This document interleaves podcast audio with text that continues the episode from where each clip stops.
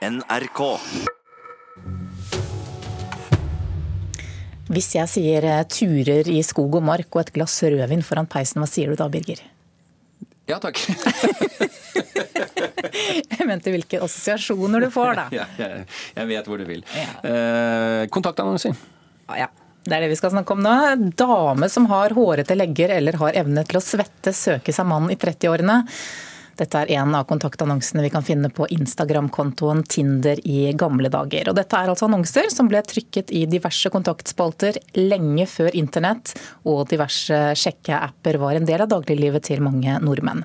Nå er flere av disse annonsene samlet i en bok, og Eirik Lande, velkommen til Nyhetsmorgen. Takk for det. Det er du som driver Instagram-kontoen, der du legger ut kontaktannonser du har funnet i gamle blader, aviser og magasiner, og nå har du altså samlet høydepunktene mellom to permer. Hva slags samling har det blitt? Ja, så Det er som du sier, det er kontaktannonser som har stått på trykk i norske blader og magasiner fra tidlig 70-tall fram til slutten av 90-tallet. Eh, altså før internett tok over sjekkemarkedet. da. Um, de fleste som skrev de annonsene, fulgte en oppskrift med standardfraser som dere nevnte, glad i tu skog og turer i skog og mark, og det er det indre som teller. Eh, men eh, innimellom så dukka det opp en del eh, som skilte seg fra den standarden. Er det, er det, de du har valgt ut i denne boka? Ja, det er de jeg har fokusert på. De som er rare, klønete, vulgære. De som snubler litt i forsøket, da. Ok, Du må gi noen eksempler, da. Ja, um, her er det en som uh, uh, prøver å vekke et erotisk begjær på en uh, usedvanlig byråkratisk måte. Så jeg kan lese det en, Han søker en dame Skal vi se her et øyeblikk. En dame på Agder som vil leke med meg. Med å leke mener jeg forskjellige forspill som vi begge kan iverksette etter våre egne behov i samarbeid med den andre, og la det resultere i et herlig samleie. Dette har jeg aldri prøvd, og er derfor usikker. Eh, ja, for eksempel. La, kanskje vi kan uh, få noe verdifullt ut av det. Uh, så det er jo en spennende måte å ordlegge seg på når man ser etter en elsker. Det blir lagt merke til i hvert fall. Ja. Hva er de største forskjellene mellom kontaktannonsene som sto på trykk i blader og aviser tidligere, og de vi finner på f.eks. Tinder i dag? Ja, altså, eh, fordi kontaktannonsen de var jo eh, anonyme, de som sto i kontaktspaltene. Der var det liksom bilmerk, eller billettmerket, så hadde du et eller annet kallenavn. Eh, og da kunne det også være litt mer utleverende når ingen visste hvem du var. Og mange var gjerne litt mer sånn såre og beskrev seg selv som f.eks. ensomme eller ja, ting som kanskje ikke ses på som veldig attraktivt da, i en sånn sjekkesituasjon. Men uh, på Tinder så er det først og fremst bilder som er poenget. Og da, når du ikke er anonym, så blir du også mer sårbar. Så da er det ikke så mye av det som slipper igjennom. Da, da er det liksom bilde av et ansiktsbilde, et bilde av deg på en fjelltopp, et eh, bilde sammen med noen venner, og så håper du at det eh, beviser at du er en bra catch. da. Mm, så betyr det at folk solgte seg inn på andre måter tidligere? Ja, det kan du godt si. Um, det var liksom eh, ja, altså Når du skal beskrive deg sjøl med ord, så, så, blir det en annen måte å gjøre det på. og eh, De som eh, eh Ja, nå stopper jeg litt opp. eh, ja, vi kan si, hva, ja. hva, med fokuset? Jeg har sittet og bladd litt i boka di nå eh, på morgenen. mange er opptatt av sex, f.eks. Mm. Ja, det er de nok i dag også, men Vi gir uttrykk for det, da? Ja. Uh, og kanskje mange tenker på Tinder som en sånn sex-app, og det vet jeg ikke helt om stemmer sånn veldig godt, men uh, det var kanskje lettere når du er anonym, da, å uh, fortelle om liksom, dine innerste drømmer, på, også på det seksuelle området, enn det man gjør på Tinder. Da, da er det på en måte mer Det er mer som står på spill når ansiktet ditt vises sammen med, med annonsen. Har det blitt mindre fordommer mot kontaktannonser etter at eh, ja, så godt som alle da, er på Tinder eller en annen sjekkeapp? Ja, det tror jeg egentlig. Altså fordi eh, mitt inntrykk er at egentlig alle som er single i dag, også unge og single, da, er på Tinder. Altså Uansett om det er veldig seriøst ment, eller om det er bare for å liksom sjekke eh, ståa. Eh, og det er ikke skamfullt, eh, men det, men det var nok mer sårt å sende, altså skrive hva du ønska deg, fortelle at du trengte noen, eller var på utkikk, og, og så sende det inn til en redaksjon som satte det på trykk. da. Så selv om det var tryggere fordi du var anonym, så var det kanskje litt mer jeg vet ikke om man skal si uglesett, men ja. Ja, for I bunn og grunn så handler det altså om eh, mennesker som er på jakt, sånn som vi alle er. Eh, etter sex eller eh, kjærlighet. Lurer du på hvordan det gikk med noen av disse her? Det lurer iallfall jeg på når jeg har sett disse annonsene på morgenen. Og... Ja, det hadde jo vært fantastisk om noen som hørte det her eller leste i boka, kjente igjen annonsen sin og, og tok kontakt og fortalte hvordan det gikk, for det er jeg veldig spent på. Takk skal du ha, Eirik Lande, som altså har samlet disse kontaktannonsene på Instagram-kontoen og boka 'Tinder i gamle dager'. Forlag som Aschehoug, Gyldendal og Cappelen Dam kan bli overflødige. Det skriver Klassekampen i dag. Kulturreporter Øystein Tronsli Drabløs, hva er grunnen til det? Det er forfatter Arne Berggren som eh, tror dette. Han, eh, han mener at såkalt eh, selvpublisering, altså at forfatterne selv publiserer og markedsfører sine egne bøker, kan bli en ny eh, standard. Og Det sier han i kjølvannet av at eh, Arve Juritzen solgte sitt Juritzen forlag til Petter Stordalen her for et par dager siden, for å da satse på selvpubliseringsforlaget Kolofon. Men hvorfor har han større tro på selvpublisering?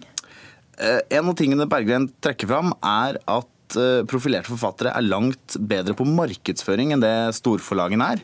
Eh, han mener rett og slett at de gjør en for dårlig jobb på den fronten her, eh, og mener da at forfattere bak kommersielt attraktive bøker kan gjøre en minst like god jobb med markedsføring selv. Så har Klassekampen også snakket med sjefredaktør Kari Marstein Gyllendal, som kontrer med at forfatterne ved selvpublisering f.eks. ikke får muligheten til å utvikle forfatterskapet sitt like godt, eh, og at Eh, de ikke vil få like god kontakt med bokhandlerne og ut i markedet da, som gjennom eh, forlagene.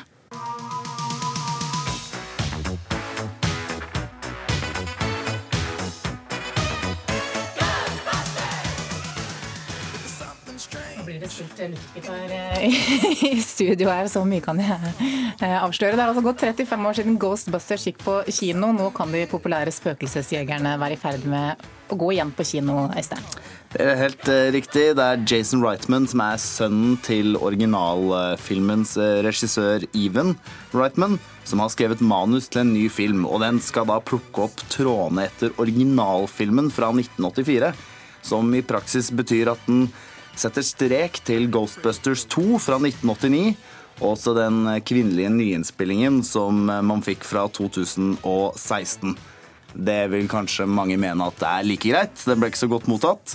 Denne nye filmen er ventet til eh, neste år.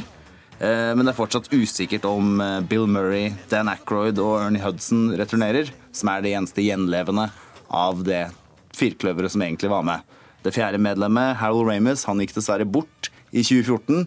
Om han returnerer som spøkelse, det er også usikkert. Takk skal du ha, Øystein Tronsli Drabløs.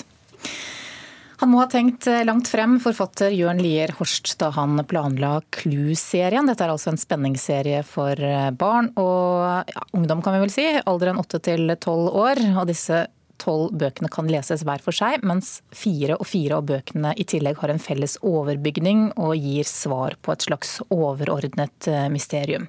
Og Så trodde vi kanskje da at han var ferdig etter tolv bøker, der forbokstavene i titlene til sammen utgjorde ordet 'smuglerhuset', men sånn var det ikke, litteraturkritiker Anne Katrine Straume. Nei, nå er det kommet en trettende bok, bonusbok, som faktisk har tittelen 'Smuglerhuset'. Og hvis du først jobber med krim og mysterier, så kan det hende at tallet 13 er bedre enn tallet 12. Selv om 12 da også skal representere årets 12 måneder. Så uh, Jørn Lier Horst han er en mann som har lagt mye arbeid i å pusle sammen et puslespill. Uh, Clue-serien heter jo disse bøkene også fordi at uh, disse fire bokstavene, det er utgangspunktet, eh, forbokstavene til navnet til tre små venner, som jo da er detektivene i denne historien. Det er Cecilia, det er Leo, det er Une, og så er det Unes hund Egon. Så da får du Clou, som altså er en, et spor eller en mulighet til å uh, snøre opp noen, uh, noen småspor ja, for en detektiv som er på jakt etter forbrytere. Ja, og Hvilket eller hvilke mysterier er det som skal løses denne gangen? 'Smuglerhuset' er tittelen, og smuglerhuset som ligger ute på en øy i havgapet, er det som vekker disse barnas oppmerksomhet. Eh, I denne serien så er det jo et veldig gjenkjennelig klientell, et univers som går igjen fra gang til gang. Vi er i Skutebukta, og handlingen foregår, på Perlen pensjonat. Der har vi også en gammel fyr som de bare kaller for Gamle Tim, som forteller at for 100 år siden så var det en mann som drev med smugling der ute. Og barna blir interessert og drar ut for å se hvordan det ser ut. Først så vekkes interessen av at uh, her er det sandgrunn, så på denne øya så driver havet hele tiden og spiser mer av uh, landskapet. Og vi kommer også ut i en uh, dramatisk storm. Så faktisk så er naturfenomenet hvor liksom landskapet forsvinner, mer spennende nesten enn selve historien. For det skjer jo noe dramatisk i selve huset også. Og de tre vennene de prøver å løse dette mysteriet.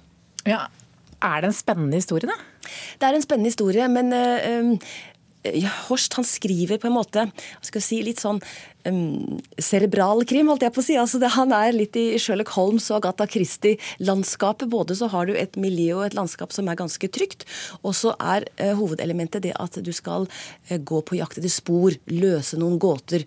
Så han er ikke av de forfatterne som har mest blodig dramatikk, eller vold. Det kan vi si at det kanskje ikke er så festlig i barnebøker uansett, men det merker vi jo er mer og mer ingredienser, ikke minst i fantasybøker, hvor det er sånn spenning så du liksom nesten ikke kan holde ut. Dette er mer en eh, spenning og dramatikk innenfor trygge rammer. Og det kan like mye nesten være dette naturfenomener, storm og, og sånn, som kan, og spionering, flukt, som ren eh, brutal vold. da. Så er det sånn at eh, Jørn Lier Horst avslutter hver eh, bok her med et kapittel som gir innsikt i en filosof eller et eh, etisk dilemma. Hvordan fungerer det her? Jeg har stor sans for det. At, faktisk, at han gjerne vil gi oss litt kunnskap også. Gi oss muligheten til å tenke, oss som lesere. Kanskje burde han inkorporert disse filosofene enda bedre i historien sin. Denne gangen er det Hegel som snakker om at vi har ingen sannhet. altså den endrer seg hele veien gjennom historien.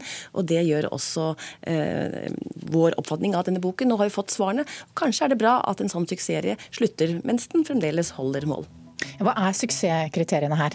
Det er eh, gjenkjennelighet, det er tydelighet, eh, og det er en slags trygg ramme for det du leser. Takk skal du ha, litteraturkritiker Anne Katrine Straume.